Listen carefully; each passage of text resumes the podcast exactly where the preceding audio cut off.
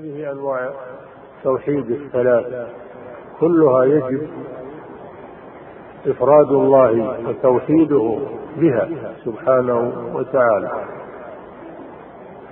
وهذه الأنواع الثلاثة مأخوذة بالاستقراء من الكتاب والسنة.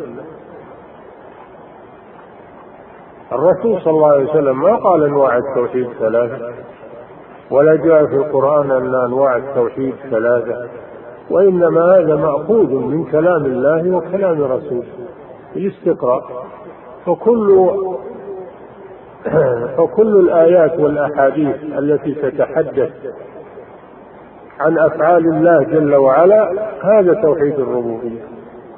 وكل الآيات والأحاديث التي تتحدث عن العبادة وإفراد الله جل وعلا بها وعدم الإشراك به هذا توحيد الألوهية. وكل الآيات والأحاديث التي تتحدث عن أسماء الله وصفاته وتنزيهه سبحانه عما لا يليق به هذا توحيد الأسماء والصفات.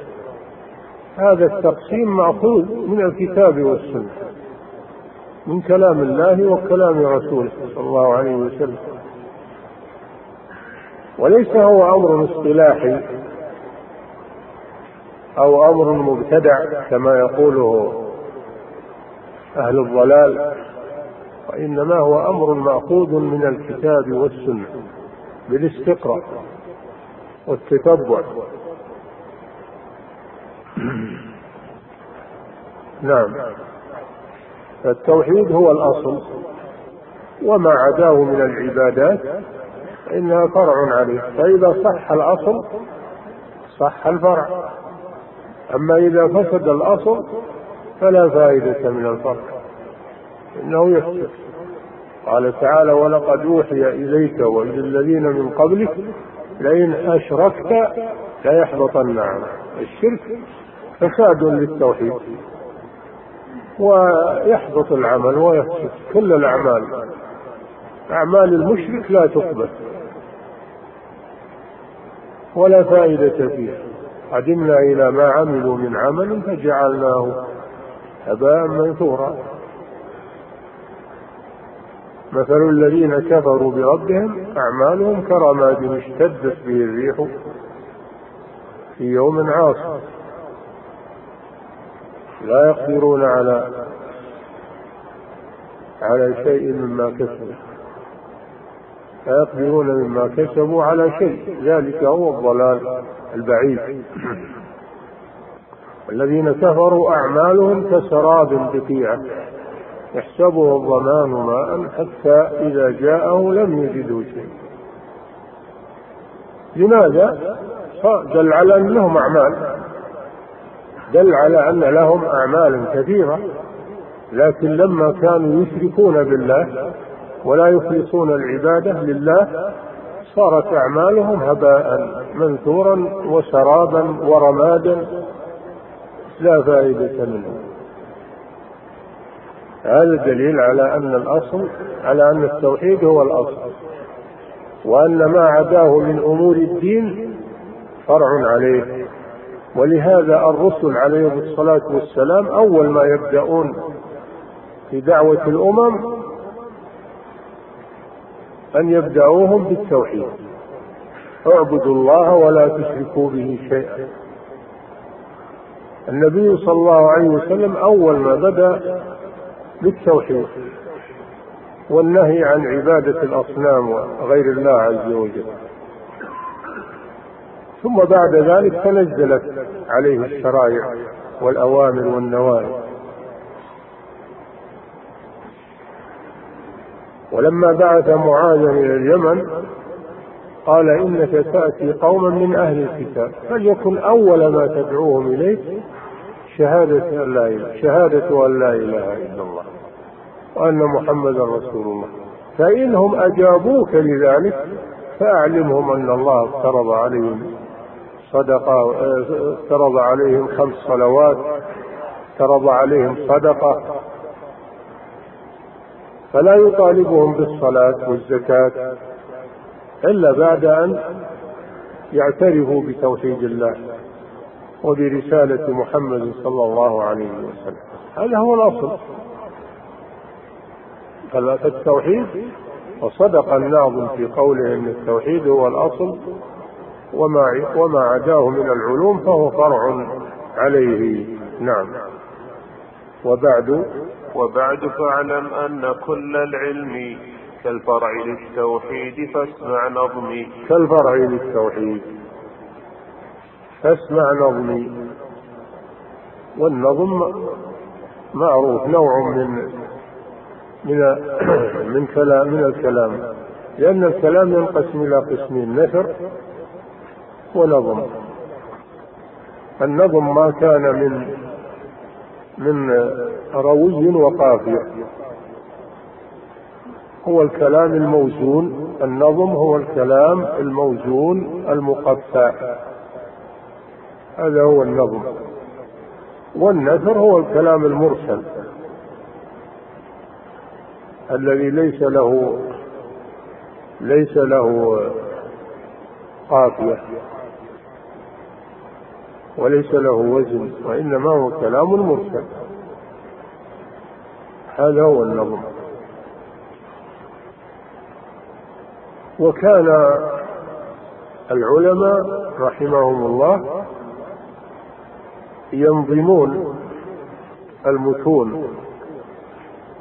المتون وهي المختصرات في العلوم كانوا ينظمونها لأجل أن يسهل حفظها ويثبت في الذهن لأن النظم أخف من النثر وأعلق بالذهن وله ميزة على على النثر هذا هو النظم. نعم فاسمع نظم يعني اهتم به و, و احفظه وافهم معانيه. نعم.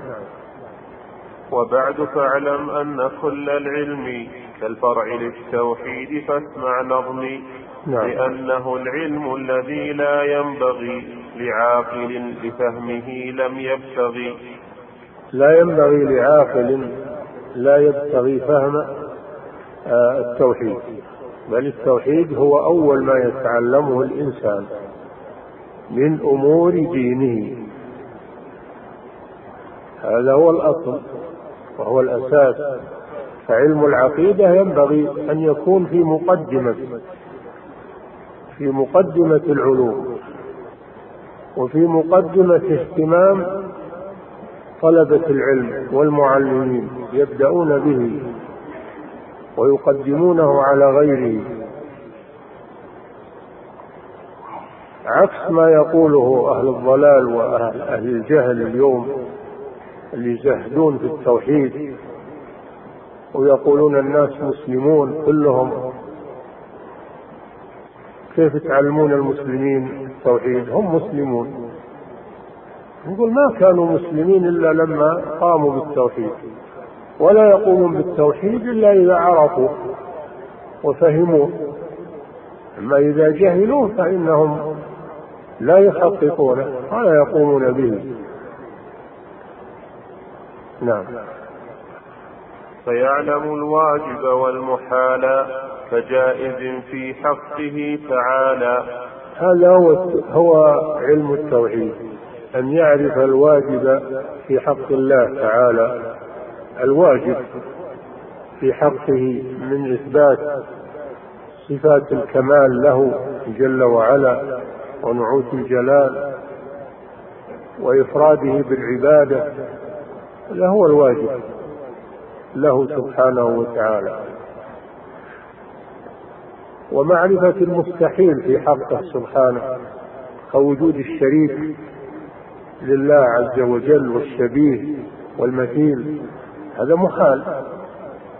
هذا مستحيل أن يكون لله شبيه أو أو مثيل جل وعلا ليس كمثله شيء ولم يكن له كفوا أحد فلا تضربوا لله الأمثال أي الشبه والنظر.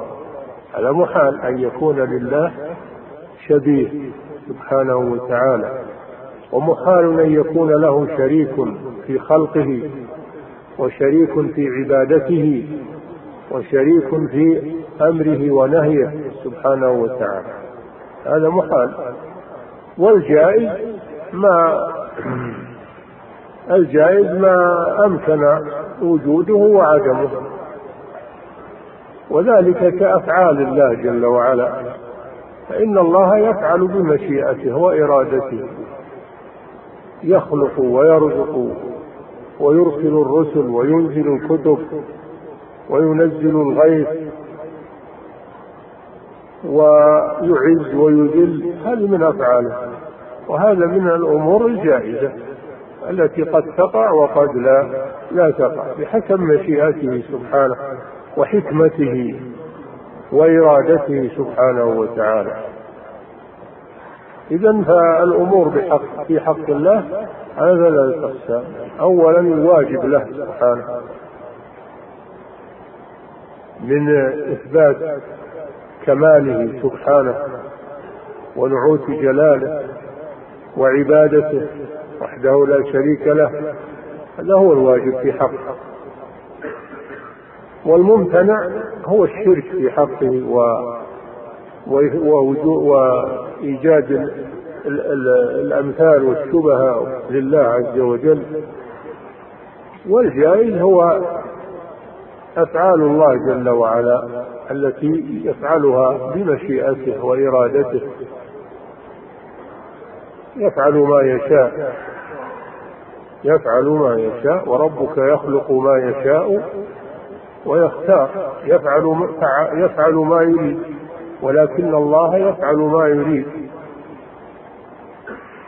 فعال لما يريد سبحانه وتعالى. لما يريد. نعم.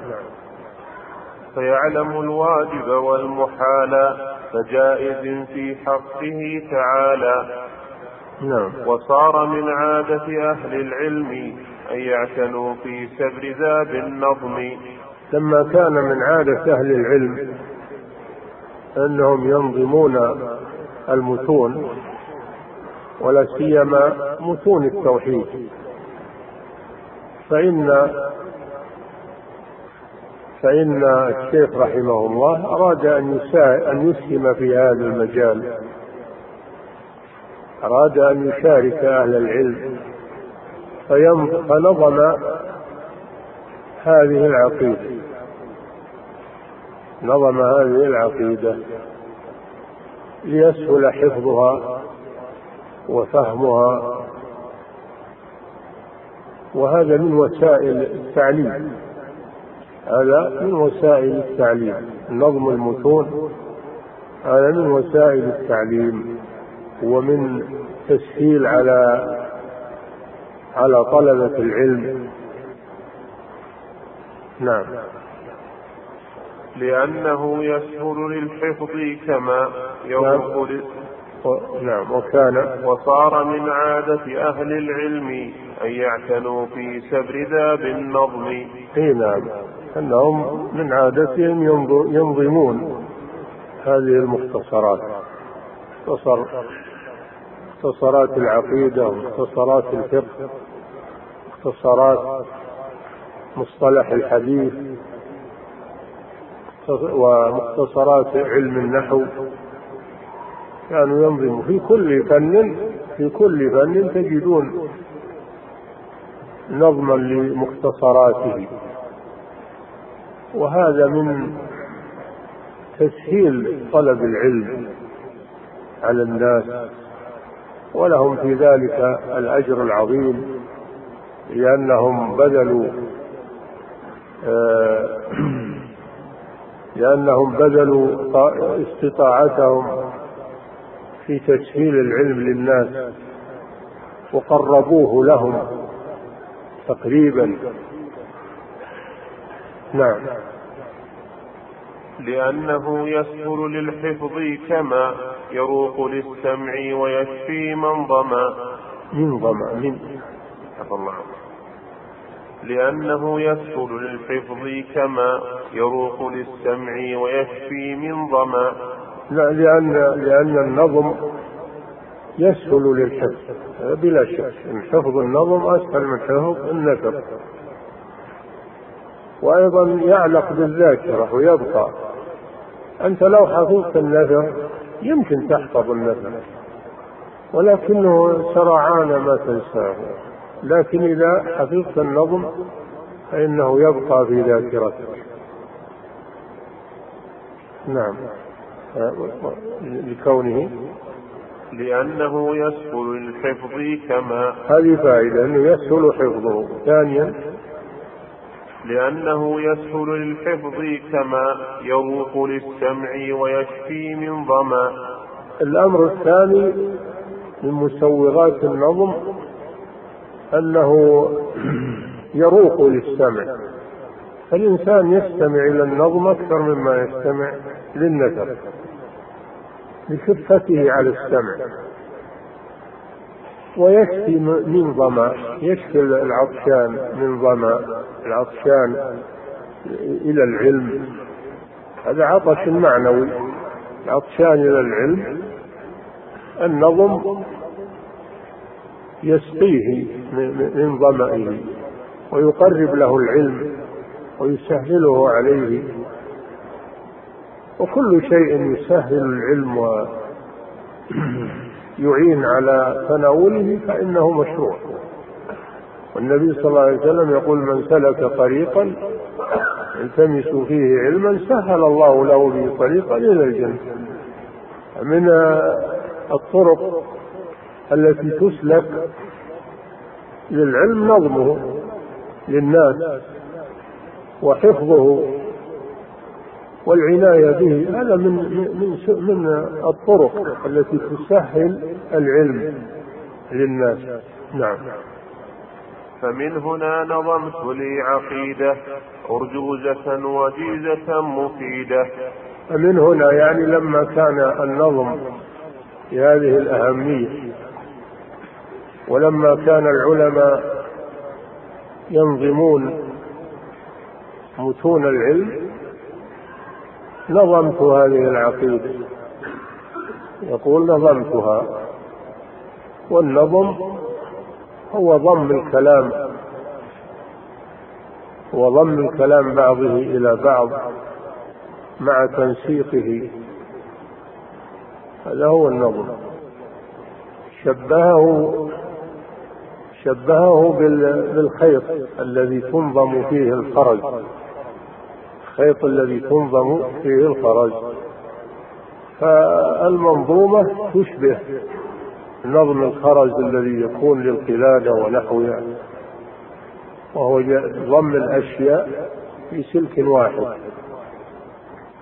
والعقيدة العقيدة ما يعتقده القلب يجزم به ما يجزم به القلب هذه هي العقيدة ما يجزم به القلب. ما يجزم به القلب هذا يسمى بالعقيدة بخلاف الظن والشك هذا ليس عقيدة. إنما العقيدة هي الأشياء التي يجزم بها القلب ويقتنع بها يقتنع بها. فإن كان هذا الاعتقاد موافقا للحق فالعقيدة صحيحة. وإن كان هذا الاعتقاد مخالفا للحق فهذه العقيدة باطلة.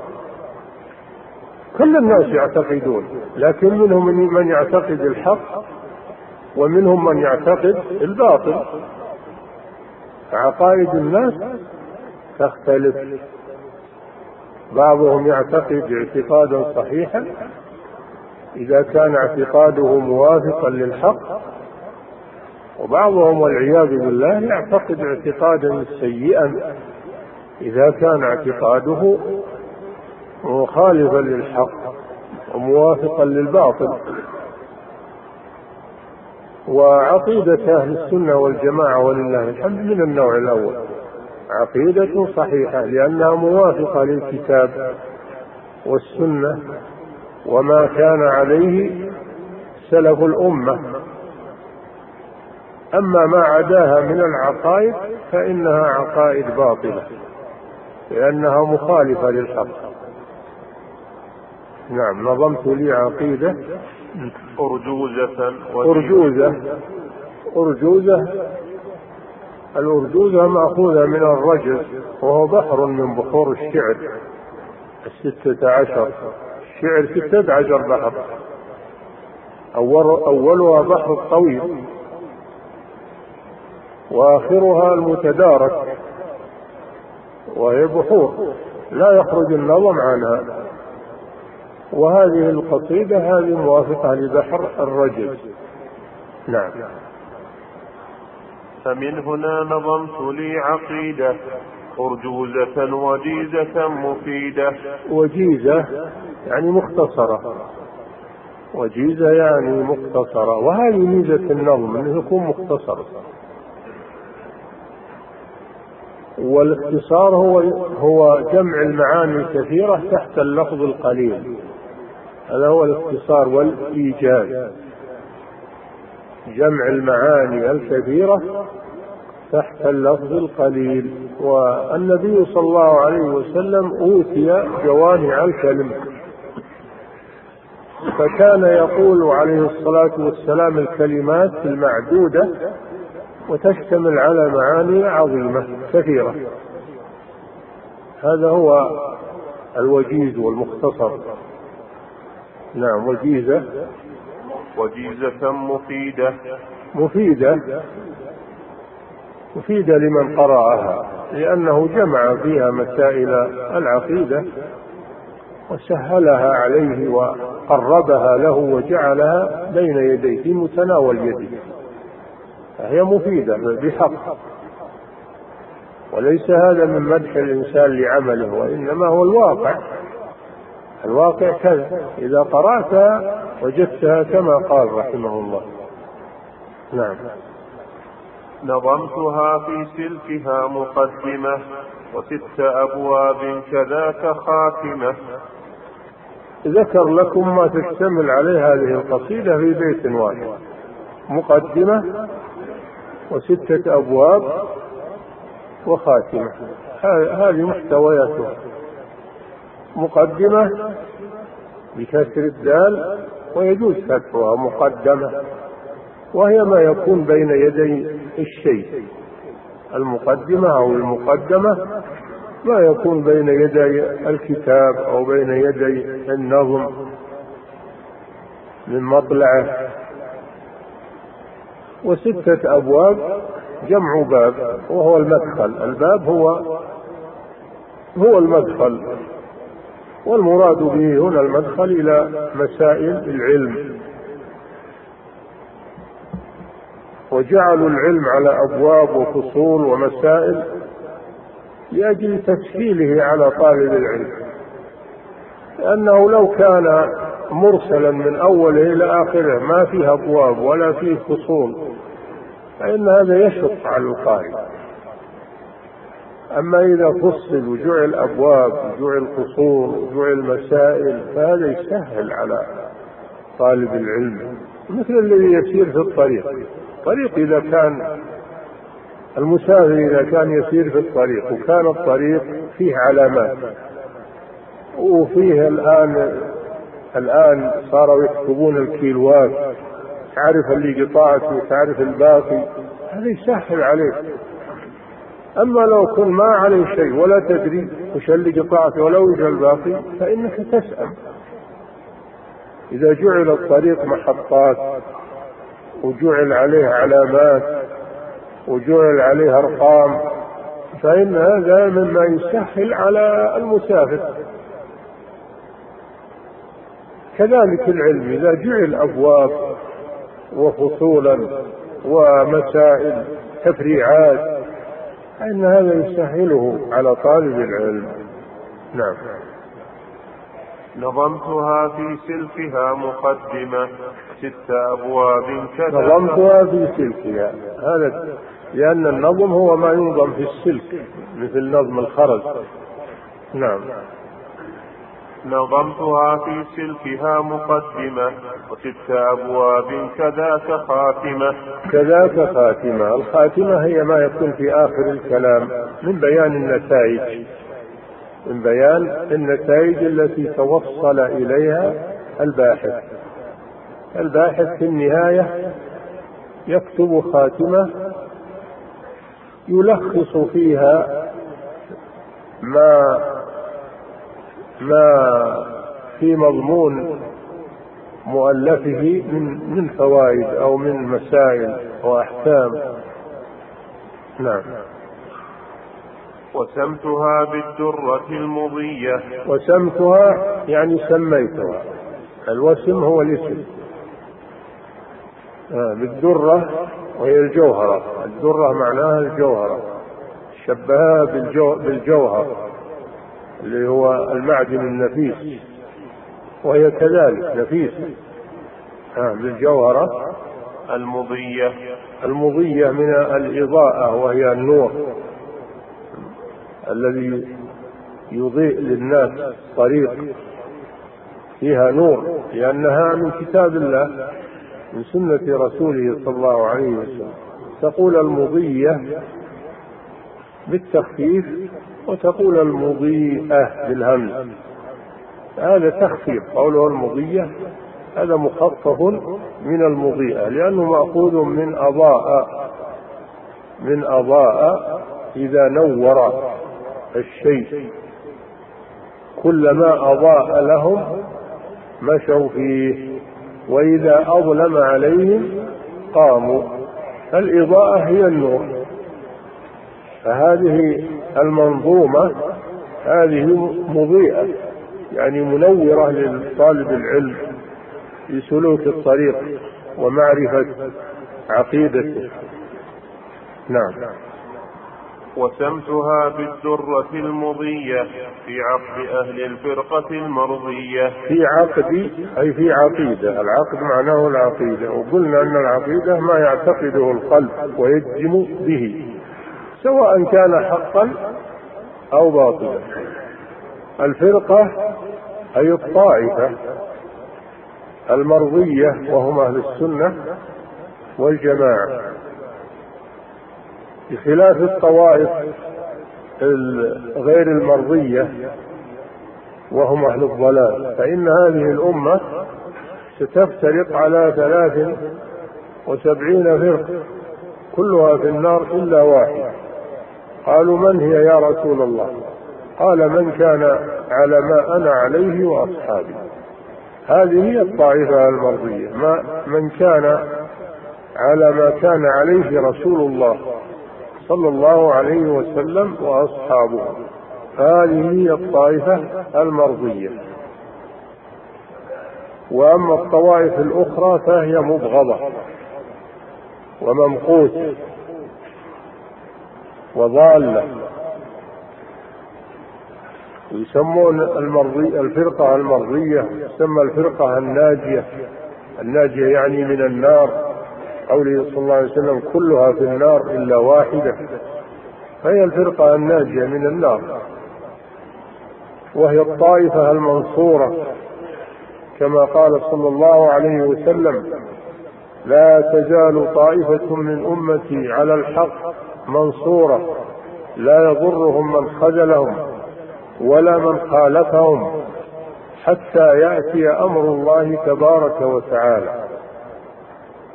فهي الطائفة المرضية وهي الطائفة المنصورة وهي الفرقة الناجية وهم أهل السنة والجماعة. أهل السنة لأنهم متمسكون بسنة الرسول صلى الله عليه وسلم. الجماعة لأنهم لم يتفرقوا كما تفرقت الفرق الثانية. فتجد أهل السنة ولله الحمد لم يتفرقوا بل هم أمة واحدة من أولهم إلى آخرهم. لأن من سار على نهج السلف فإنه لا يدخلهم الافتراق. والله جل وعلا يقول واعتصموا بحبل الله جميعا ولا تفرقوا. فلا يعصم من التفرق إلا التمسك بحبل الله وهو القرآن والسنة. فمن تمسك بالقرآن والسنة سلم من الافتراق. ومن خالف الكتاب والسنة فإنه يقع في الافتراق. فإن تولوا فإنما هم في شقاق. فسيكفيكهم الله وهو السميع العليم. فمن صفات أهل السنة والجماعة أنهم لم يتفرقوا ولم يختلفوا لأن دليلهم كتاب الله وسنة الرسول. وإذا حصل بينهم اختلاف رجعوا إلى كتاب الله. وإلى سنة رسول الله فانحسم النزاع. إن تنازعتم في شيء ردوا إلى الله والرسول. إن كنتم تؤمنون بالله واليوم الآخر. ذلك خير وأحسن تأويلا. فهم إذا حصل بينهم اختلاف فإنهم يحكمون الكتاب والسنة ويتبين الصواب فيتبعونه ويتركون الاختلاف. هذه صفة أهل السنة والجماعة.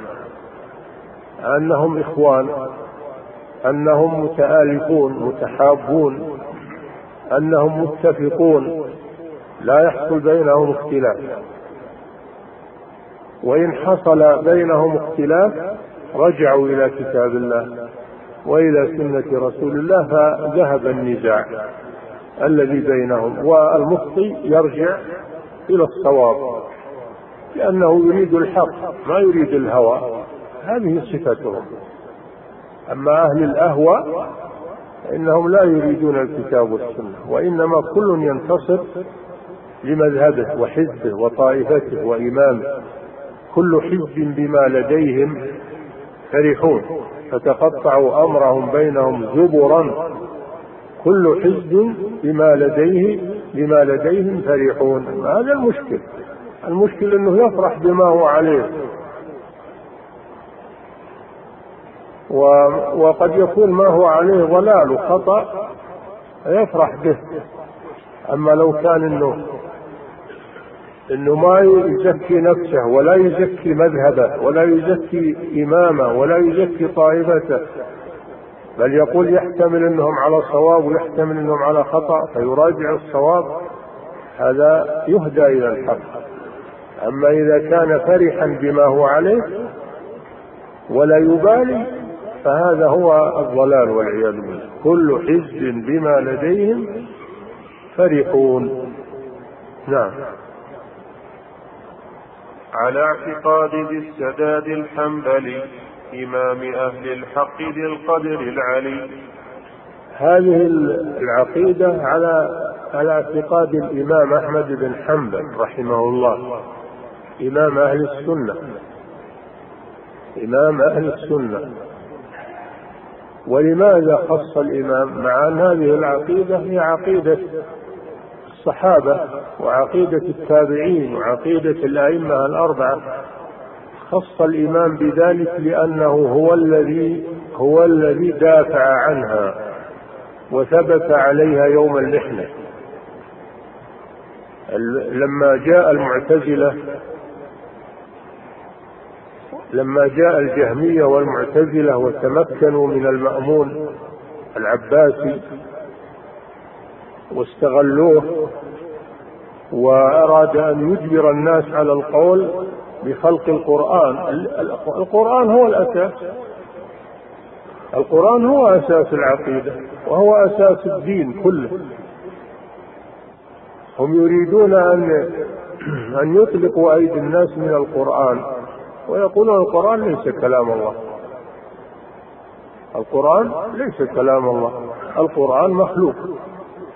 خلقه الله كسائر الخلق. فأقنعوا المأمون أقنعوا المأمون ابن هارون الرشيد الخليفة في وقته فأراد أن يجبر الناس بسلطانه وعذب الناس وسجنهم وقتل من قتل منهم ولكن الإمام أحمد ثبت وصبر على السجن وصبر على الضرب. ولم يساوم على دينه حتى نصر الله به هذه الملة في وقت المحنة. ولهذا يقولون نصر الله هذا الدين برجلين أبي بكر الصديق يوم الرده والإمام أحمد بن حنبل يوم الشدة فهو الذي ثبت رحمه الله. وصبر على الضرب صبر على السجن في أيام المأمون وأيام المعتصم وأيام الواثق صبر على ذلك. وأبى أن يقول بخلق القرآن. وأبى أن يتأول لأن بعض الأئمة تأولوا من باب الإكراه ليسلموا من العذاب لكنه أبدا هو أبدا أبى. قال هاتوا لي شيئا من كتاب الله أو من سنة رسول الله. وكل ما قالوا له قال هاتوا لي شيء من كتاب الله ومن سنة رسول الله. حتى نصر الله به الدين وفضح به أهل البدع أهل التجهم والاعتزال. وجاء وقت المتوكل ابن هارون الرشيد فأفرج عن الإمام أحمد ونصر أهل السنة وزالت الشدة لكن بعد ماذا؟ بعد الثبات والصبر والاحتساب فلذلك لما لما أنه ثبت على هذه العقيدة ولم يساوم عليها صار له الفضل في حمايتها وفي وصار وصارت تنسب إليه. لأنه هو الذي نصرها وهو الذي ثبت عليها وهو الذي دافع عنها. وهو الذي اخزى الله به الجهمية والمعتزلة. فلذلك صارت تنسب إليه. وإلا فهي في الواقع عقيدة السلف الصالح. نعم. على اعتقاد بالسداد الحنبلي إمام أهل الحنبلي الحنبلي نسبة إلى حنبل جد الإمام أحمد. هو الإمام أحمد بن محمد ابن حنبل. فحنبل جده. فلذلك ينسب إليه. ويقال الشيباني نسبة إلى شيبان أحد أجداده. أحد أجداده يسمى شيبان ويقال أحمد بن حنبل الشيباني. نعم. وكان وكانت وفاته رحمه الله في السنة الحادية والأربعين بعد المئتين. السنة الحادية والأربعين بعد المئتين رحمه الله. نعم. على اعتقاد بالسداد الحنبلي. بالسداد يعني الصواب في العقيدة. آه. إمام أهل الحق ذي القدر العلي. إمام أهل الحق أي إمام أهل السنة. ولذلك يلقبوه بإمام أهل السنة. كل يلقبه بذلك.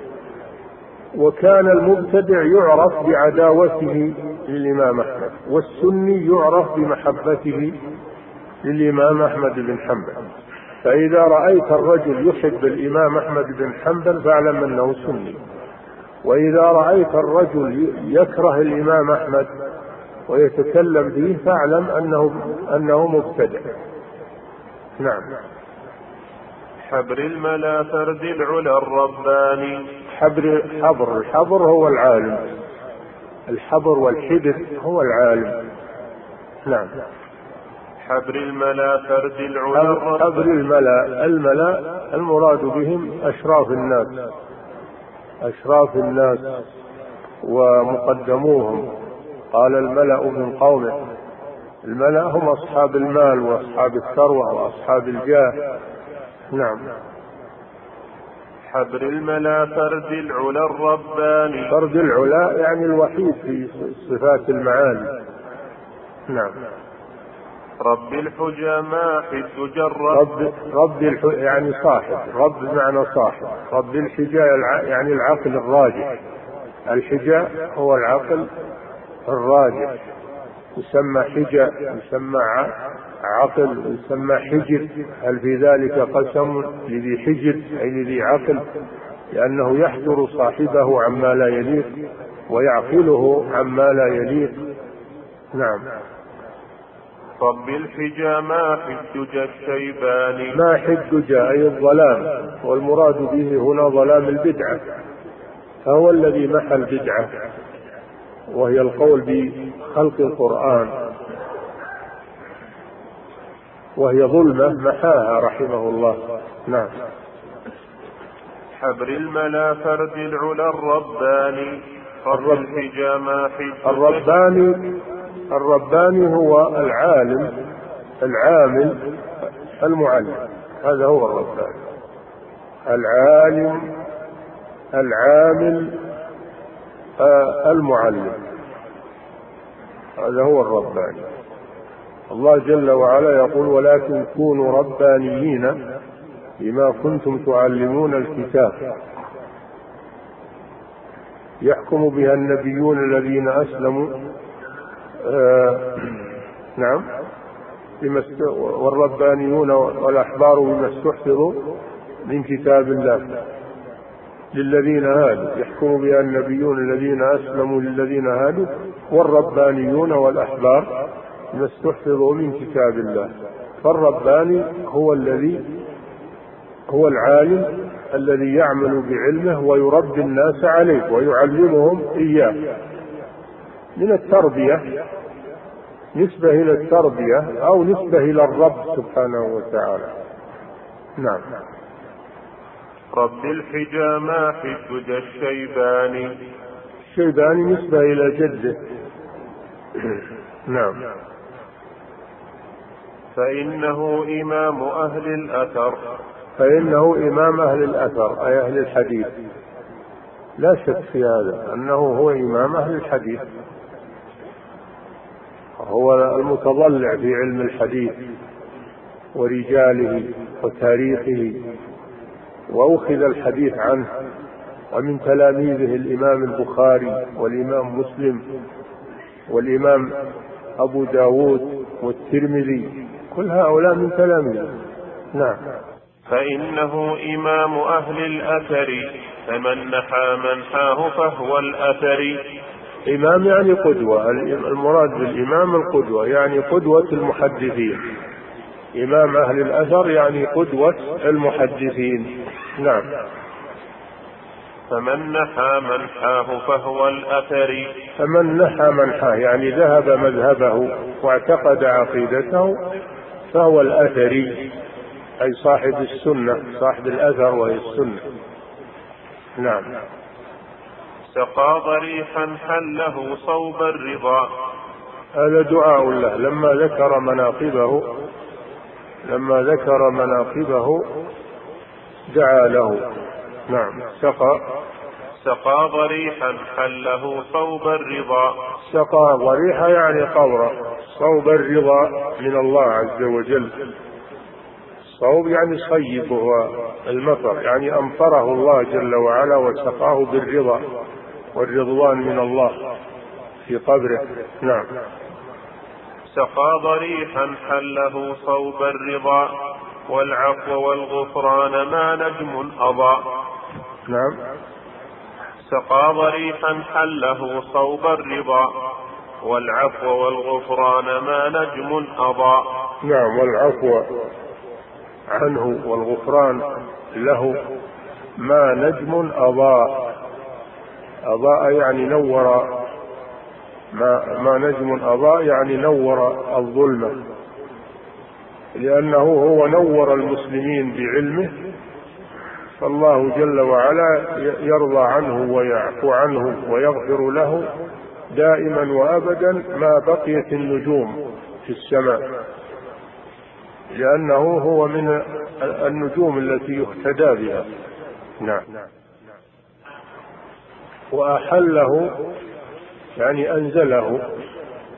وسائر الأئمة أهل السنة والجماعة. ومنهم الأئمة الأربعة وغيرهم من أئمة أهل السنة والجماعة. لما دعا له خاصة دعا لأئمة المسلمين عامة نعم. أحله وحله وسائر الأئمة. بقية سائر يعني بقية الأئمة. نعم. وحله وسائر الأئمة منازل الرضوان أعلى الجنة. منازل الرضوان أعلى الجنة. الفردوس الأعلى أعلاها هو الفردوس. كما قال صلى الله عليه وسلم إذا سألتم الله فاسألوه الفردوس فإنه أعلى الجنة ووسط الجنة. وسقفه عرش الرحمن أو وفوقه عرش الرحمن. وهذا من الدعاء للعلماء.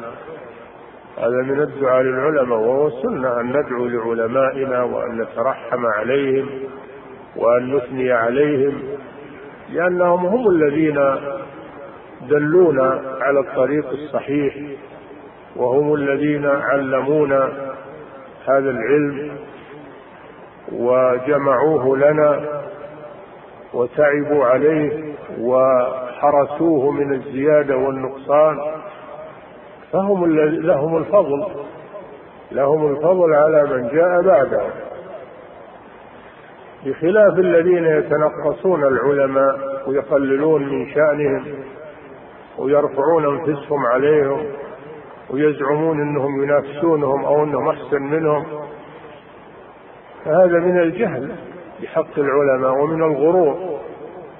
الإنسان مهما بلغ من العلم فإنه لا يزهد في العلماء ولا يحتقر العلماء. الذين سبقوه أو علموه لا يحتقرهم بل يثني عليهم ويدعو لهم. ولو قدر أنه صدر من بعضهم خطأ من غير قصد فإنه فإن هذا لا ينقص من قدرهم ولا يسوغ الوقيعه فيهم ولا نتلمس لا نتلمس عثراتهم بل علينا أن نسترهم وأن ندعو لهم ولا نعتقد أنهم معصومون ما يخطئون ابدا. العصمة لا تكون إلا للرسل عليهم الصلاة والسلام. يعني يخطئون لكن كفاهم فضلا أن صوابهم أكثر من خطأهم. كفى المرأة نبلا أن تعد معائبه ومن يقول يقول بشار بن برد ومن ذا الذي ترضى سجاياه كلها؟ كفى المرأة نبلا أن تعد معائبه فهم وإن قدر إن لهم بعض الأخطاء الاجتهادية التي ما قصدوها. هم مأجورون على الاجتهاد. إن أصابوا فلهم أجران وإن أخطأوا فلهم أجر واحد. فنحن لا نتلمس عثراتهم ولا نقلل من شأنهم ولا نرفع أنفسنا فوقهم لسنا بشيء بالنسبة إليه. نحن والله لسنا بشيء بالنسبة إليه. يخجل الإنسان يخجل الإنسان إذا قرأ تاريخهم وقرأ تراجمهم وعلمهم يخجل الإنسان أنه أنه يدعي أنه طالب علم. طالب علم فضلا عن يدعي أنه عالم. الإنسان يخجل لا ولا يسيء الأدب مع العلماء. الله جل وعلا يقول والذين جاءوا من بعدهم يقولون ربنا اغفر لنا ولإخواننا الذين سبقونا بالإيمان. ولا تجعل في قلوبنا غلا للذين آمنوا. ربنا إنك رؤوف رحيم. هذه صفة المؤمنين مع سلفهم ومع من سبقهم. يترحمون عليهم ويدعون لهم ويستغفرون لهم ويحبونهم ولا يبغضون أحدا منهم. هذه صفة المؤمنين. نعم. مقدمة في ترجيح مذهب السلف. يكفي نقف عند هذا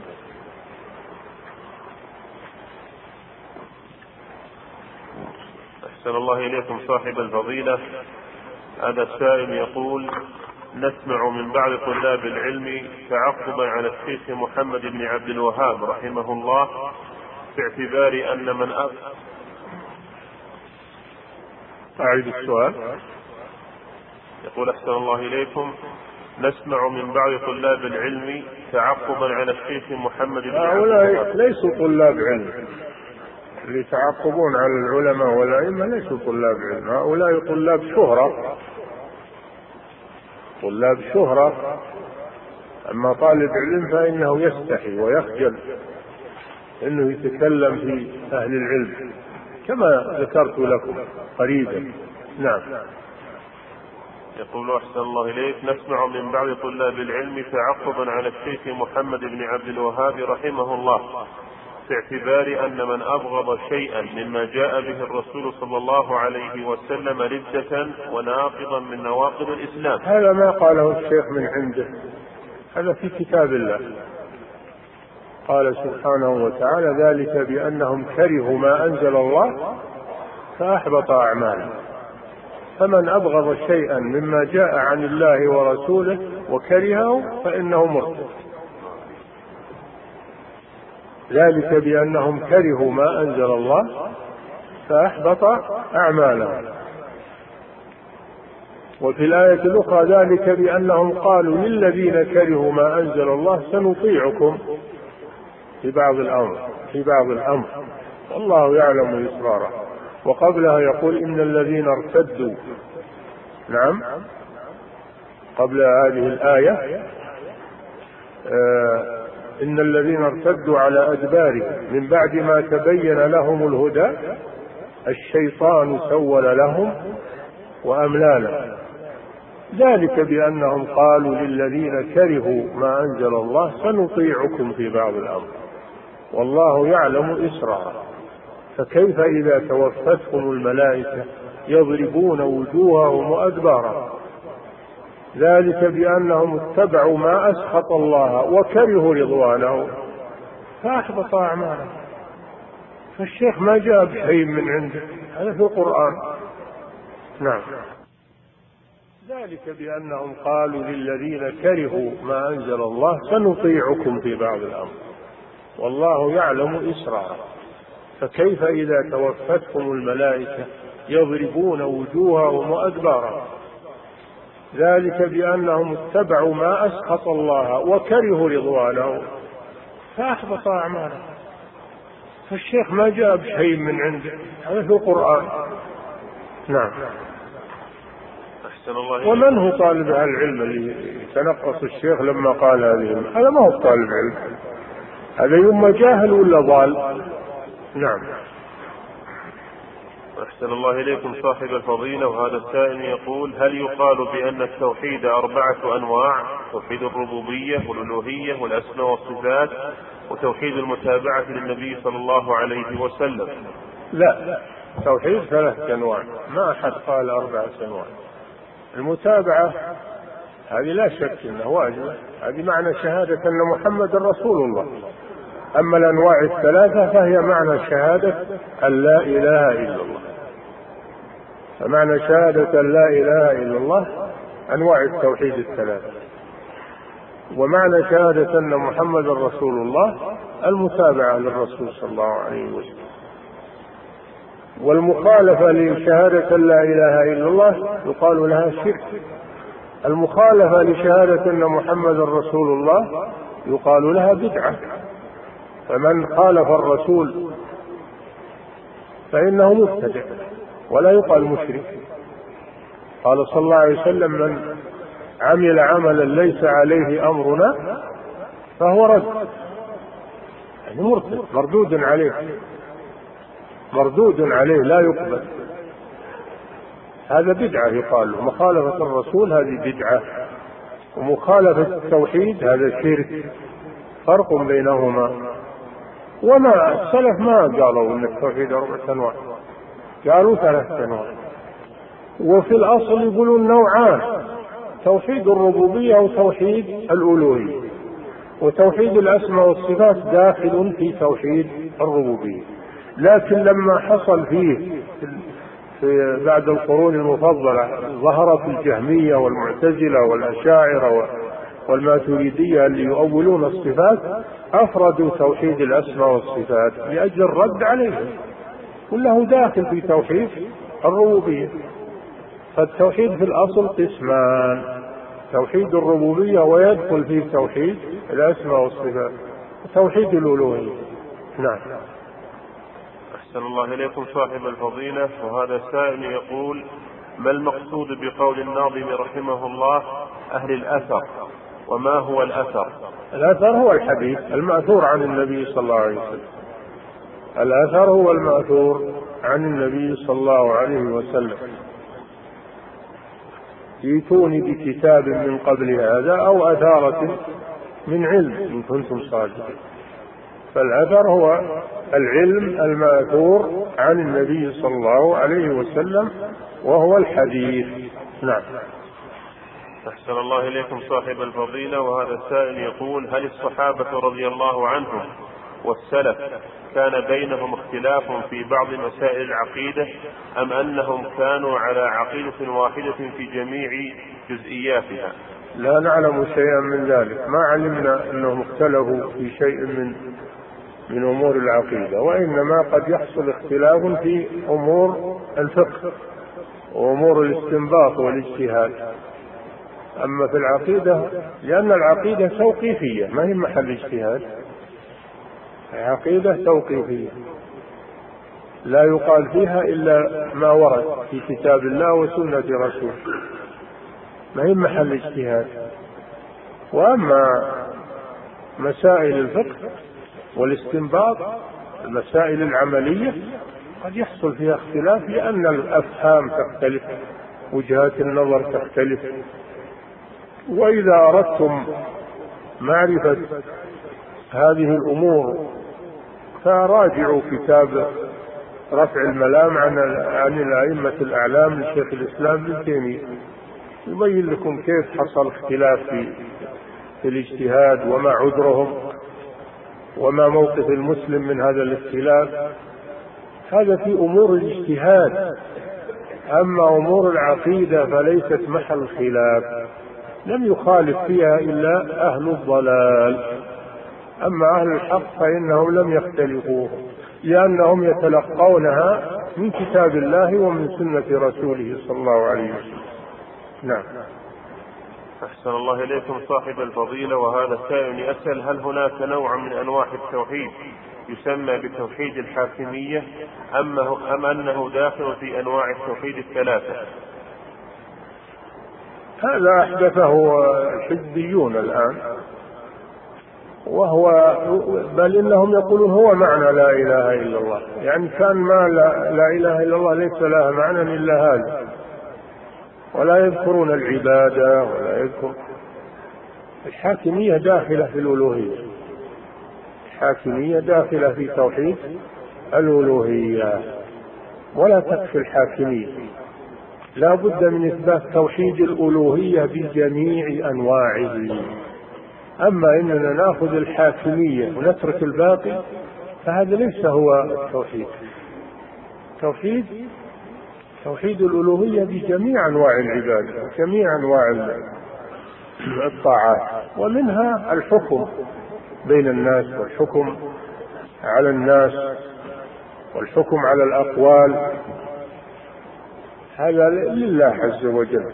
إن الحكم إلا لله. أمر ألا تعبدوا إلا إياه.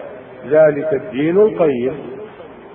الحاكمية نوع من أنواع توحيد الألوهية. نعم.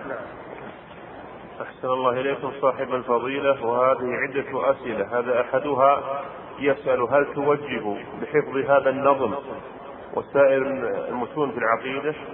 لا شك في هذا. حفظ هذه المنظومة وحفظ غيرها من متون العلوم هذا هو هو طلب العلم. هذا هو طلب العلم. لأن هذه مفاتيح مفاتيح للعلوم وهذه ذخيرة تبقى في ذاكرتك عند الحاجة إذا حفظتها تبقى في ذاكرتك كأنها أصول وتفرع عليها وتنميها بالمطالعة وبالمذاكرة وبتعلم العلم. تكون هذه أصول تبني عليها. أما إذا كان ما عندك أصول فماذا تبني عليه؟ من ضيع الأصول حرم الوصول.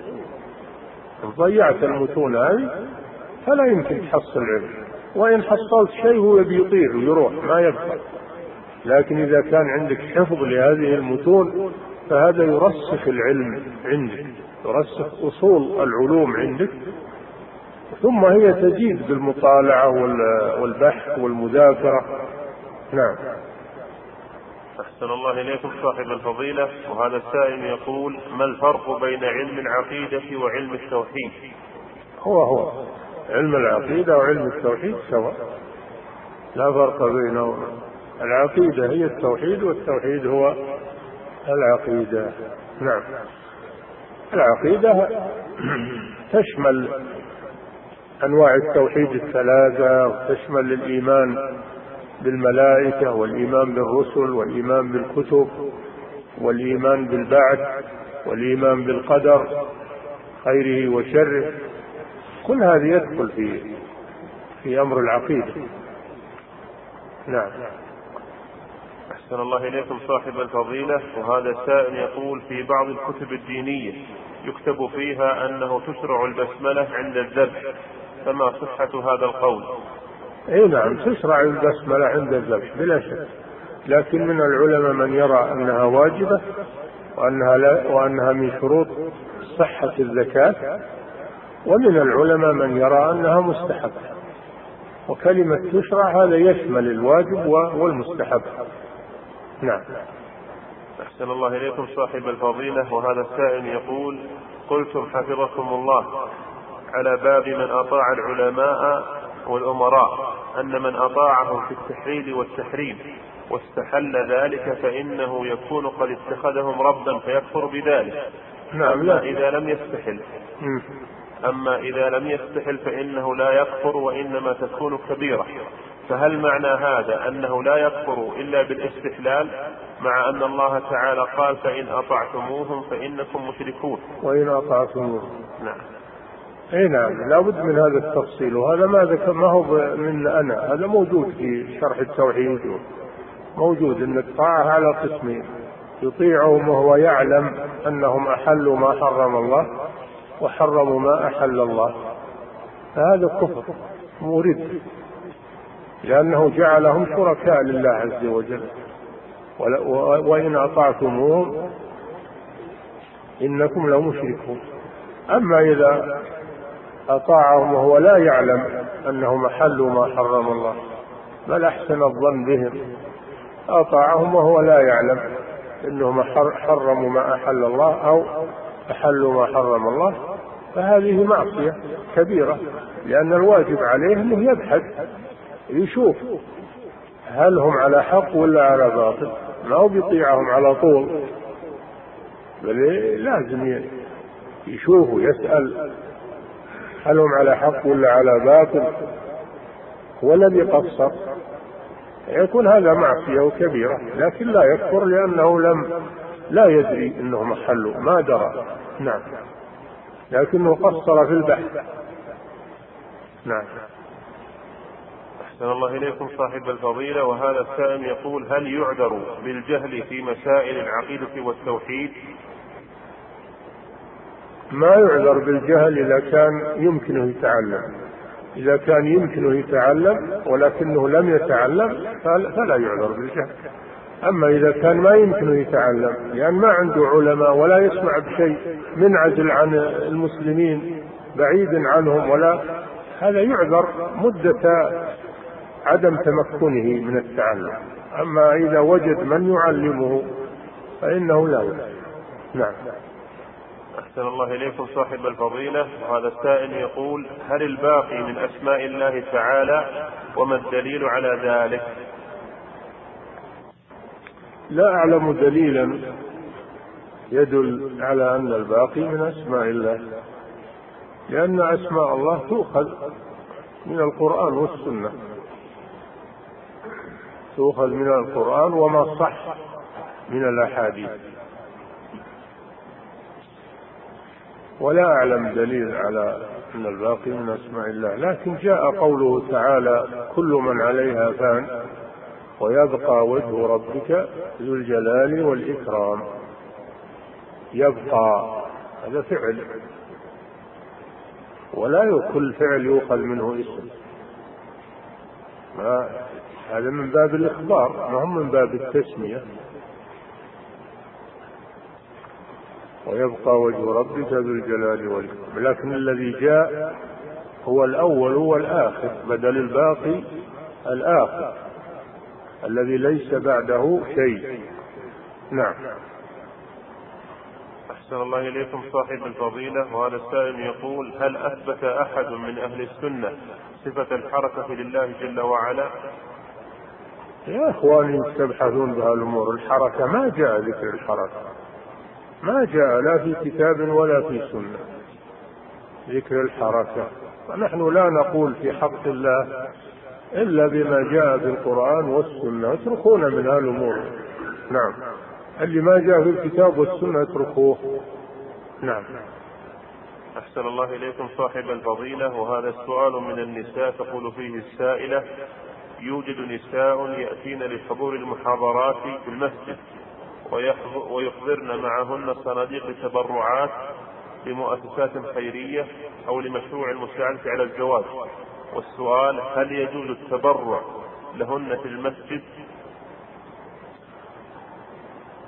تبرع لا أحد يمنع من أنه يتبرع في سبل الخير ما أحد يمنع. ولكن كونهن يشغلن الحاضرات بالسؤال هذا لا ينبغي هذا لا ينبغي. والمكان ما هو مكان جمع تبرعات المكان مكان استماع وطلب علم. نعم. فينبغي إن المساجد انها ما تكون مجال للسؤال وللصناديق وللتبرعات يشغلون الناس بذلك. نعم. أحسن الله إليكم صاحب الفضيلة. نعم. نعم, نعم. الله هناك أتوفى. آه. ما هي ما ما تتوفى نفسها. الله هو الذي الله يتوفى الأنفس حين موتها فيقال متوفى. ولا يقال متوفي. ومن النكت في هذا أنه يقولون في بعض المساجد في الشام يصلون على جنازة. قال واحد من هو المتوفي؟ قال الثاني الله. الله هو المتوفي. لأنه لو قال من هو المتوفى؟ نعم يقال فلان. لكن هو قال من هو المتوفي؟ فقال المجيب الله هو المتوفي. نعم. نعم. أحسن الله إليكم صاحب الفضيلة. تقول في سؤالها الثاني هناك امرأة غسلت امرأة متوفاة وقد أحضروها من مصر للمملكة. وقد غسلت هنا في المملكة ورأت منها مناظر لا تسر العين علما بأن أهل المتوفاة يلحون بالسؤال عنها ولكن مغسلتها ممتنعة عن الإجابة فهل تجيب عما رأت أم تسكت ولا ولا ترد لهم شيئا؟ من غسل مسلما فإنه يستر عليه ولا يذكر شيئا مما رأى. هذا هذه أمانة وسر لا يجوز للإنسان يتحدث عن الميت المسلم انه حصل منه كذا عند الدفن أو حصل منه عند التغسيل. ينبغي أنه يستر. لأنه أخوه امانه بين يديه. نعم. أحسن الله إليكم صاحب الفضيلة. وهذه سائلة تقول أسنان الأمامية زائدة في الطول بعكس أسنان الخلفية ويوجد بينهما فرق إلى درجة التشويه. فهل يجوز أن أبرد أسناني لما قال الطبيب أم أترك ذلك؟ نعم إذا كان فيه تشويه وهناك علاج. هناك علاج لإزالة التشويه فلا مانع من ذلك. الأسنان وغيرها. يجوز إزالة التشويه إذا كان هذا على يد الأطباء الذين يحسنون العلاج. نعم. أحسن الله إليكم صاحب الفضيلة. هذا السائل يقول هناك من يحذر من قراءة كتب أئمة الدعوة كالدر السنية ويقول إنها يكثر فيها التكفير والإنكار بقوة وهذا لا يصلح في هذا الزمن الذي ينبغي أن يفتح الحوار مع الحوار مع كل الناس بالإقناع. بماذا تفيدون؟ لا شك أن هناك أعدى للحق وأعدى لأهل السنة. فلا يلتفت إلى هالكلام هذا هذا كلام باطل. ما ما نلتفت إلى هذا. نقرأ كتب أهل السنة وكتب أهل التوحيد ونفهمها. ولا علينا من المشوهين و... لأن هؤلاء لا يريدون الحق. يريدون يصرفون الناس عن العقيدة الصحيحة وعن عقيدة السلف ويصفونها بأن فيها شدة وفيها قسوة فيها اقرأ القرآن. وشوف ماذا قال الله في الكفار وفي آه، المناولين للرسول صلى الله عليه وسلم. من من الذم لهم والتوبيخ لهم والتهديد. هل تقول هذا قسوة؟ نعم.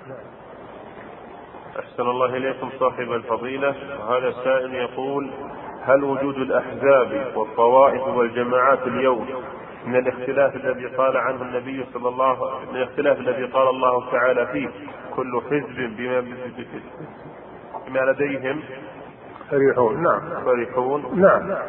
الاختلاف لا يجوز بين المسلمين. وإن حصل اختلاف في بعض الفهم فيراجع الكتاب والسنة وأهل العلم ويسوى النزاع.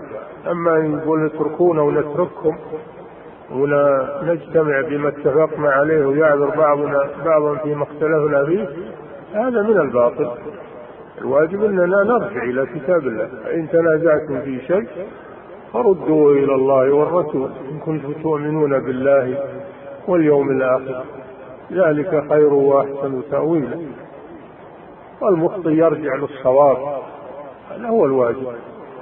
أما التعصب وأما نقول إن تراضى وكل يبقى على ما هو عليه هذا لا يجوز. هذا لا يجوز. لابد من الاجتماع على الحق وترك الباطل. نعم. أحسن الله إليكم صاحب الفضيلة. وهذه عدة أسئلة تدور حول التأمين الإلزامي عن حكمه وعن موقفنا تجاهه تأمين تجاري صدر فيه قرارات من هيئة كبار العلماء ومن المجمع الفقهي في مكة بتحريمه بجميع أنواعه. التأمين التجاري بجميع أنواعه حرام. نعم.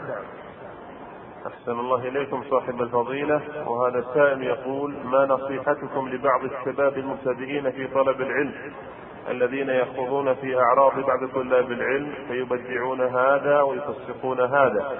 هل نجالسهم؟ وهل تعد مجالسهم مجالس غيبة وقيل وقال. هؤلاء ليسوا طلبة علم هؤلاء طلبة تشنيع وطلبة تحريف وإشاعة للبغضة بين المسلمين. طلبة العلم يطلبون العلم من الكتاب والسنة ويتركون القيل والقال. يتركون القيل والقال والكلام في الناس. هذا من الغيبة والنميمة ومن التحريش.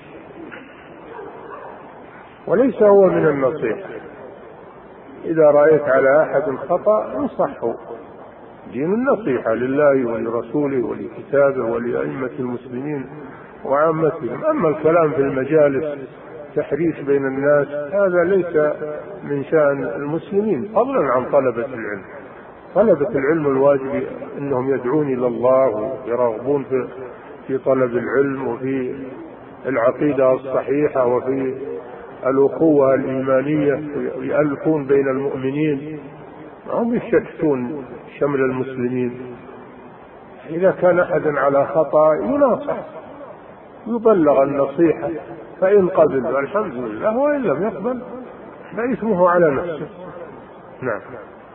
أحسن الله إليكم صاحب الفضيلة وهذا السائل يقول لقد ذكرت حفظك الله أهمية الدعوة إلى التوحيد. وأنها أول ما يبدأ به كما في حديث معاذ رضي الله عنه لما بعثه النبي صلى الله عليه وسلم إلى اليمن. ولكن يا شيخ معاذ أرسل إلى كفار فأمرهم أن يدعوهم إلى التوحيد.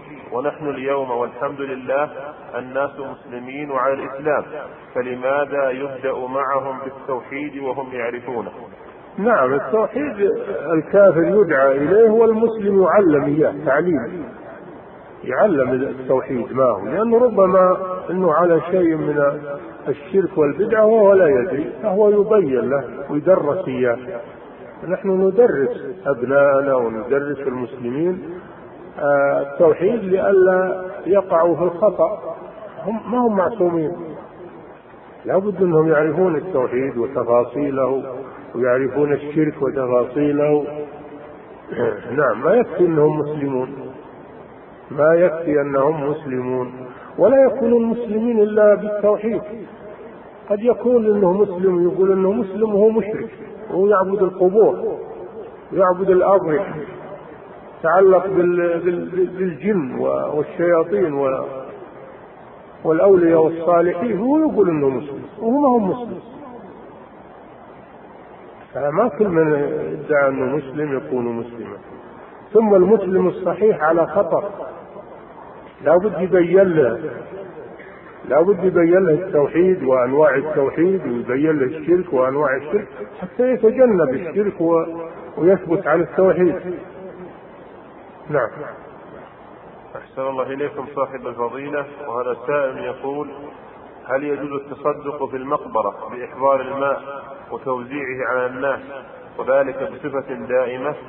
والله يا إخواني شوفوا الشيء اللي ما فعله السلف ولا هو موجود في في الأزمان السابقة من عهود المسلمين نحن لا نحدث هذه الأشياء عند المقابر لأن الأمور أول ما تبدأ يسيرة ثم تتضخم ثم تصبح بدعا وشرا. نبقى على ما أدركنا عليه أهل هذه البلاد وكانوا يدفنون موتاهم.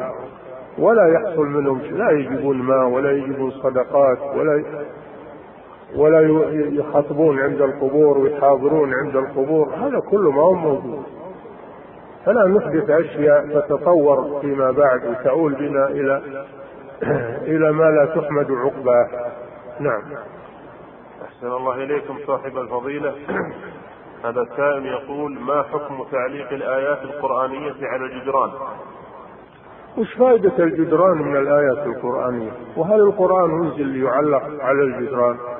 هل كان السلف يعلقون القرآن على الجدران؟ القرآن يحفظ في الصدور ويتلى بالألسن ويتبع في العمل. هذا هو التعامل مع القرآن. أما تعليقه للجدران هذا ما يفيد شيء. بل فيه امتهان للقرآن فيه مخالفة لما كان عليه السلف. لا نحدث أشياء ما كان السلف يعملون في هذه الأمور. نعم. أحسن الله إليكم صاحب الفضيلة وهذا السائل يقول نسمع كثيرا بأن الحفظ تلقين والطريقة الحديثة والطريقة الحديثة للتعليم بخلاف التلقين فأيهما هو الصواب؟ الحفظ المطلوب الحفظ.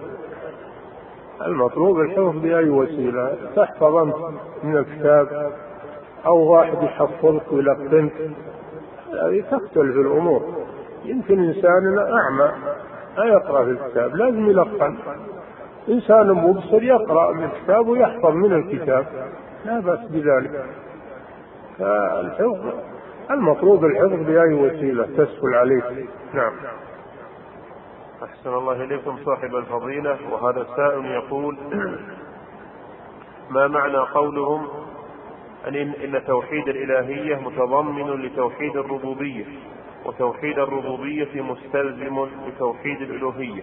واضح. توحيد الألوهية متضمن لتوحيد الربوبية يعني داخل. التضمن معناه الدخول. فتوحيد الربوبية داخل في توحيد الألوهية.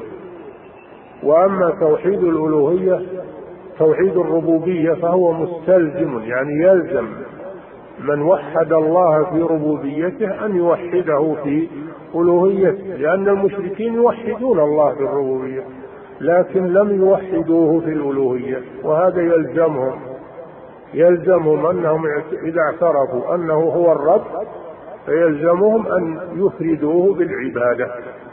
نعم. والتضمن ما كان الشيء داخل في شيء. وأما الالتزام فهو ما كان الشيء خارج عن الشيء لكنه لازم له وهو خارج عنه. مثلا البيت. البيت اللي انت تسكن. هذا متضمن للسقف والجدران داخل فيه. لكن المرافق الخارجية اللي هي مجاري المياه والفناء هذه لوازم للبيت ما هي داخله فيه خارجة عنه لكنها لا بد منها له لازمة له. نعم. أحسن الله إليكم صاحب الفضيلة وهذا السائل يقول بماذا توجهوننا في طلب العلم من اقتناء أحسن الكتب في التفسير والفقه والتوحيد والحديث؟ وأي, وأي الأوقات أفضل للحفظ والمراجعة؟ وهل ورد في أنواع الأكل ما يزيد من الطاقة والقوة في التركيب والحفظ. والله هذا السؤال يحتاج إلى محاضرة كاملة. لا يكفي جواب مختصر. أما الكتب الكتب موجودة ولله الحمد. كتاب الله وسنة رسوله صلى الله عليه وسلم. وما كتبه وألفه الأئمة من كتب العقيدة وكتب الفقه كتب الحديث. وأما الحفظ فعليك أن تخلص النية لله عز وجل وأن تختار الأوقات اللي ما فيها تشويش مثل آخر الليل أو بعد الفجر أول النهار. الأوقات اللي ما فيها تشويش تحفظ فيها. ولا تكثر لو تحفظ كل يوم مسألة مسألتين أحسن من أنك تحفظ عشر مسائل وتضيعها. فعليك باختيار الأوقات اللي يكون ذهنك أصفى فيها وعليك أنك ما تكثر من الحفظ يوميا بل تحفظ آه شيئا قليلا وفي اليوم الثاني قليل والقليل مع القليل يكون كثيرا في المستقبل بإذن الله. نعم. أحسن الله إليكم صاحب الفضيلة وهذا السائل يقول هل الهداية خلق لله يهديه؟ هل الهداية خلق لله يهدي بها أم أنها صفة من صفاته؟ الهداية فعل من أفعال الله. الله يهدي من يشاء. إنك لا تهدي من أحببت ولكن الله يهدي من يشاء. فهي فعل من أفعال الله سبحانه وتعالى. نعم. أحسن الله إليكم صاحب الفضيلة. وسائل يقول في قول النبي صلى الله عليه وسلم ستفترق هذه الأمة على ثلاث وسبعين فرقة كلها في النار إلا واحدة. الحديث. هل المقصود في هذه الفرق أنها خالدة في النار أي أنهم كفار أم أنهم عصاة يستحقون النار بهذا الوعيد؟ هم مختلفون في هذا. منهم من مخالفته تقتضي الكفر ومنهم من مخالفته تقتضي الفسق ومنهم من مخالفته تقتضي المعصية. والوعيد بالنار قد يكون منهم من هو مخلد إذا كان كفر بمخالفته وقد يكون منهم من هو يعذب ولا يخلد في النار وقد يكون منهم من يعفى عنه. نعم الناس متفاوتون في الاختلاف. نعم. لكن الفرقة الناجية هذه سالمة. سالمة من كل هذه الأمور. نعم. انتهى. الله تعالى أعلم. وصلى الله وسلم على نبينا محمد وعلى بسم الله الرحمن الرحيم. الحمد لله رب العالمين. اللهم صل وسلم على عبدك ورسولك نبينا محمد وعلى آله وأصحابه أجمعين. قال الناظم رحمه الله تعالى فصل في ترجيح مذهب السلف على غيره. بسم الله الرحمن الرحيم.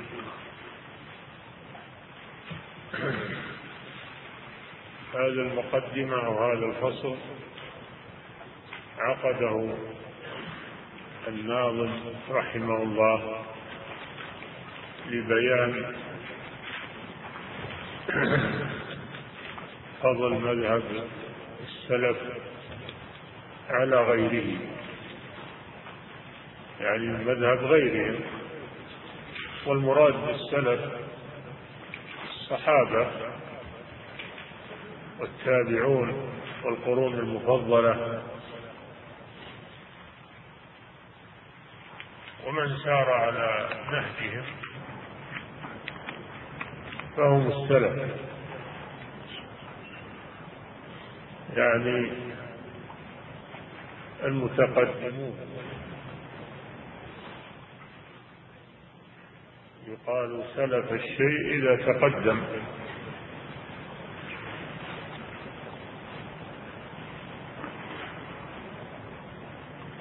والله جل وعلا يقول والسابقون الأولون من المهاجرين والأنصار. والذين اتبعوهم بإحسان رضي الله عنهم ورضوا عنه. هؤلاء هم السلف. المهاجرون والأنصار ومن تبعهم. ومن تبعهم. وجاء بعدهم.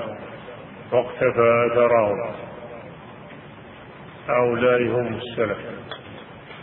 أو أتباع السلف.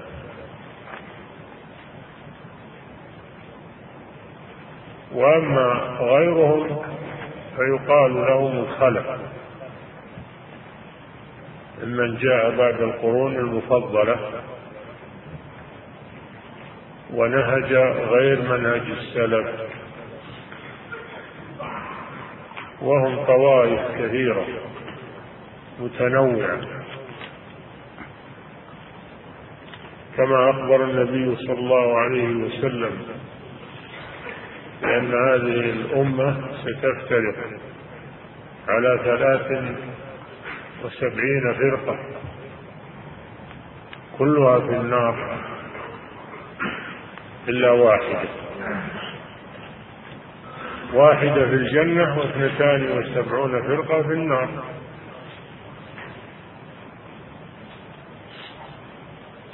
فسأل الصحابة رسول الله صلى الله عليه وسلم من هي هذه الفرقة الناجية؟ فقال هم من كان على مثل ما أنا عليه اليوم وأصحابي هؤلاء هم السلف وأتباعهم. كما في الحديث الآخر لا تزال طائفة من أمتي على الحق ظاهرين.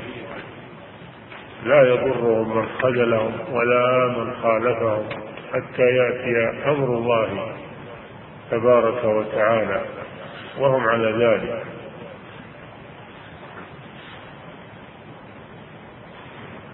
هذه هي الفرقة الناجية وهي الطائفة المنصورة.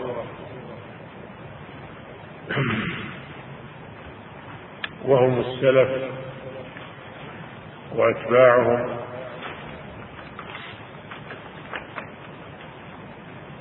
وأما من عداهم ففرق كثيرة لا حصر لها لكن أصولها أصولها معروفة. مثلا القدرية من جبرية ونفاة والجهمية وما تفرع عنهم والشيعة وما تفرع عنهم والمرجئة وما تفرع عنهم والخوارج ما تفرع عنهم كل هذه طوائف ضالة منحرفة.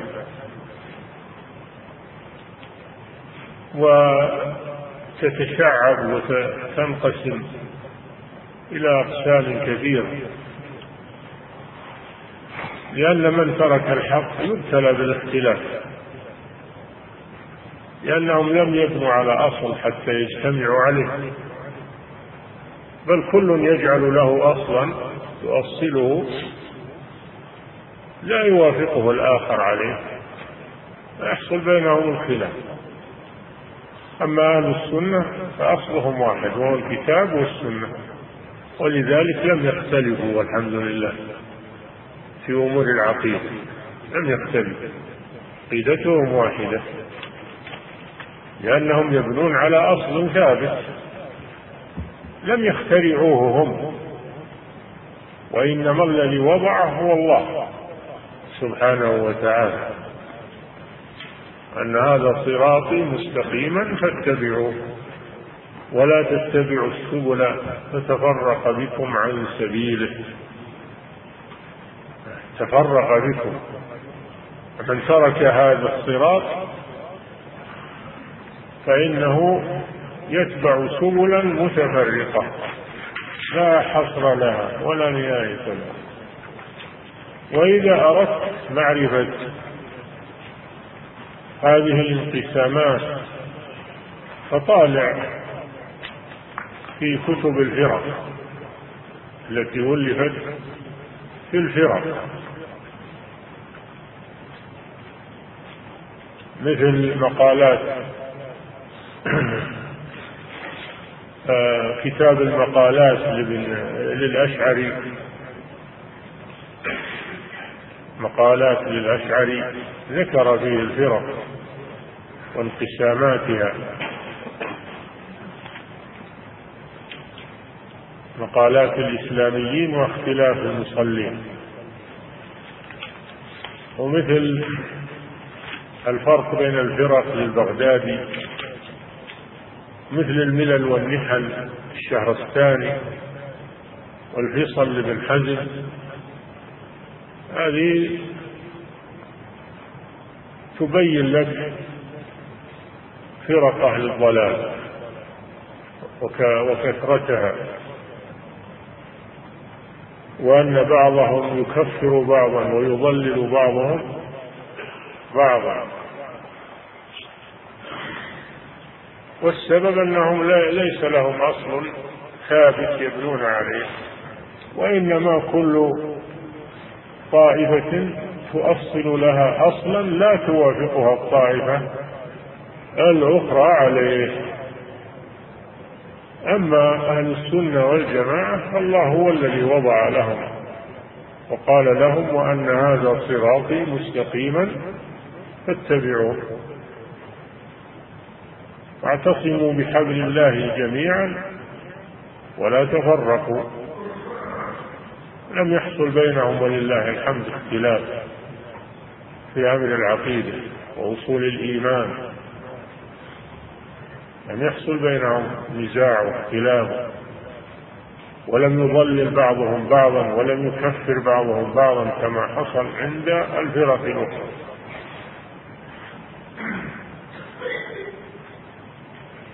وهم يبنون عقيدتهم على الكتاب والسنة. لا يحيدون عن ذلك. فلذلك سلموا مما وقعت فيه الفرق الضالة. نعم. اعلم هديت أن اعلم هديت أنه جاء الخبر عن النبي المقتفى خير البشر. اعلم هديت اعلم هذه كلمة للاهتمام أي تعلم تعلم وتنبه. هديت هذا دعاء يدعو لك بالهداية. والهداية معناها التوفيق. الهداية من الله التوفيق توفيق القلب لمعرفة الحق والعمل به. فهو يسأل الله لك الهداية أن يهديك الله إلى الحق وأن يثبتك عليه. نعم اعلم هديت اعلم هديت أنه جاء الخبر. أنه جاء الخبر يعني الحديث عن الرسول صلى الله عليه وسلم. فما ورد عن النبي صلى الله عليه وسلم يسمى خبرا ويسمى أثرا ويسمى حديثا. معنى واحد. نعم. اعلم هديت أنه جاء الخبر. عن النبي المقتفى خير البشر. النبي عرفنا معنى النبي فيما سبق. المقتفى من الاختفاء وهو الاتباع أي المتبع الذي يجب على الناس اقتفاؤه والاقتداء والاقتداء به صلى الله عليه وسلم قال تعالى لقد كان لكم في رسول الله أسوة حسنة يعني قدوة. لمن كان يرجو الله واليوم الآخر. فالمقتفى يعني المتبوع والمقتدى به والمتبع.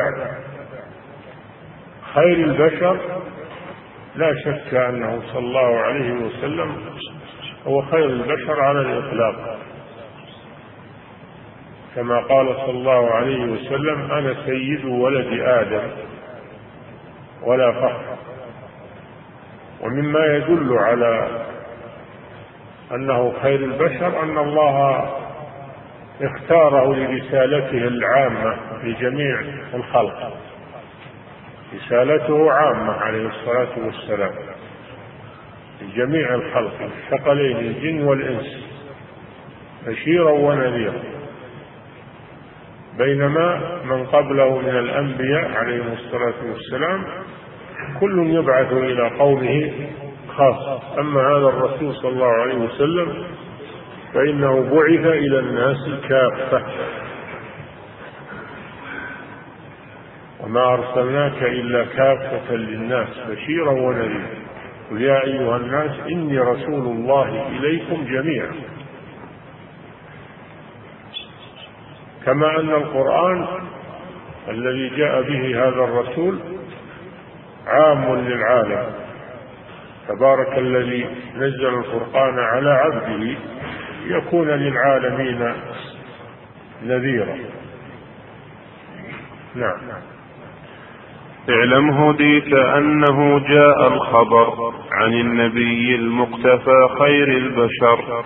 بأن ذي الأمة سوف تفترق بضعا وسبعين اعتقادا والمحق. نعم. جاء الخبر عن الرسول صلى الله عليه وسلم الذي رواه أهل السنن أن هذه الأمة ستفترق. قال صلى الله عليه وسلم افترقت اليهود على إحدى وسبعين فرقة. افترقت النصارى على اثنتين وسبعين فرقة وستفترق هذه الأمة على ثلاث وسبعين فرقة. كلها في النار إلا واحد. فلا بد أن يقع ما أخبر به صلى الله عليه وسلم لأنه لا ينطق عن الهوى. إن هو إلا وحي يوحى. وهذا خبر معناه التحذير. معناه التحذير من الاغترار بهذه الفرق. أو الالتفاف معها. والحث على لزوم ما كان عليه الرسول صلى الله عليه وسلم. كما قال صلى الله عليه وسلم فإنه من يعش منكم فسيرى اختلافا كثيرا. فعليكم بسنتي سنة الخلفاء. الحديث. فهو صلى الله عليه وسلم أخبر بذلك من باب التحذير والحث على تمسك بالحق وعدم الالتفات إلى من خالف من المخالفين. نعم. بأن ذي الأمة سوف تفترق بضعا وسبعين اعتقادا والمحق. نعم. تفترق بضعا وسبعين. البضع هو ما بين الثلاثة إلى التسعة. والذي في الحديث ثلاث سبعين هذا هو البضع.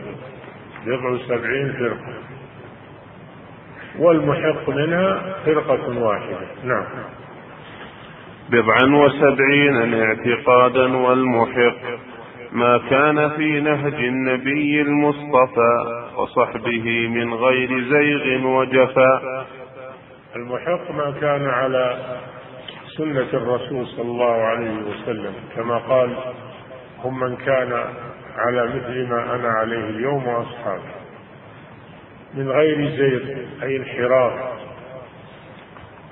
عن الحق واستبدال لغيره ومن غير جفا وهو الإعراض وعدم الالتفات بما جاء به الرسول صلى الله عليه وسلم.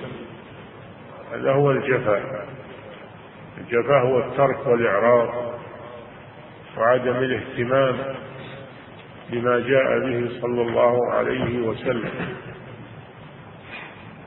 وهذا مما يحذر طالب العلم من أن يغفل عن سنة الرسول صلى الله عليه وسلم أو يتساهل في تعلمها ومعرفتها. لأن بعض الناس من أهل الضلال اليوم يقولون اتركوا مسألة العقائد وال يكفي أن يكفي اسم المسلمين. والعقيدة كل حر في عقيدته. يكفي إنه من إنه مسلم. ونقول ليس بمسلم. من خالف منهج الرسول صلى الله عليه وسلم فليس بمسلم. لا يكون مسلما إلا من استسلم لله.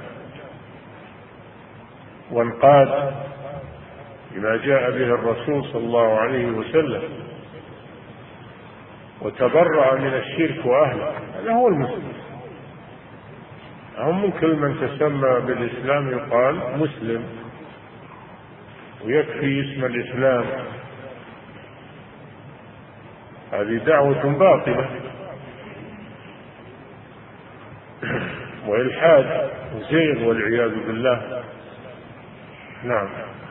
ويجهدون في دراسة العقيدة الصحيحة ومعرفة العقائد الباطلة يزهدون في هذا. ويقولون هذه فرقت الناس. نعم ستفترق. النبي صلى الله عليه وسلم هو أخبر أنها ستفترق هذه الأمة. نحن لا نريد تفريق الناس نريد جمع الناس على الحق. أما من خالف الحق فسيفترق. هذا هو الافتراق نعم. اعتصموا بحبل الله جميعا ولا تفرقوا. نعم. ما كان في نهج النبي المصطفى وصحبه من غير زيغ وجفاء وليس يعني المحق هو من كان على هذا من كان على ما كان عليه النبي صلى الله عليه وسلم. من غير زيغ ولا جفاء كما عليه الفرق الضالة فإنها زاغت وجفت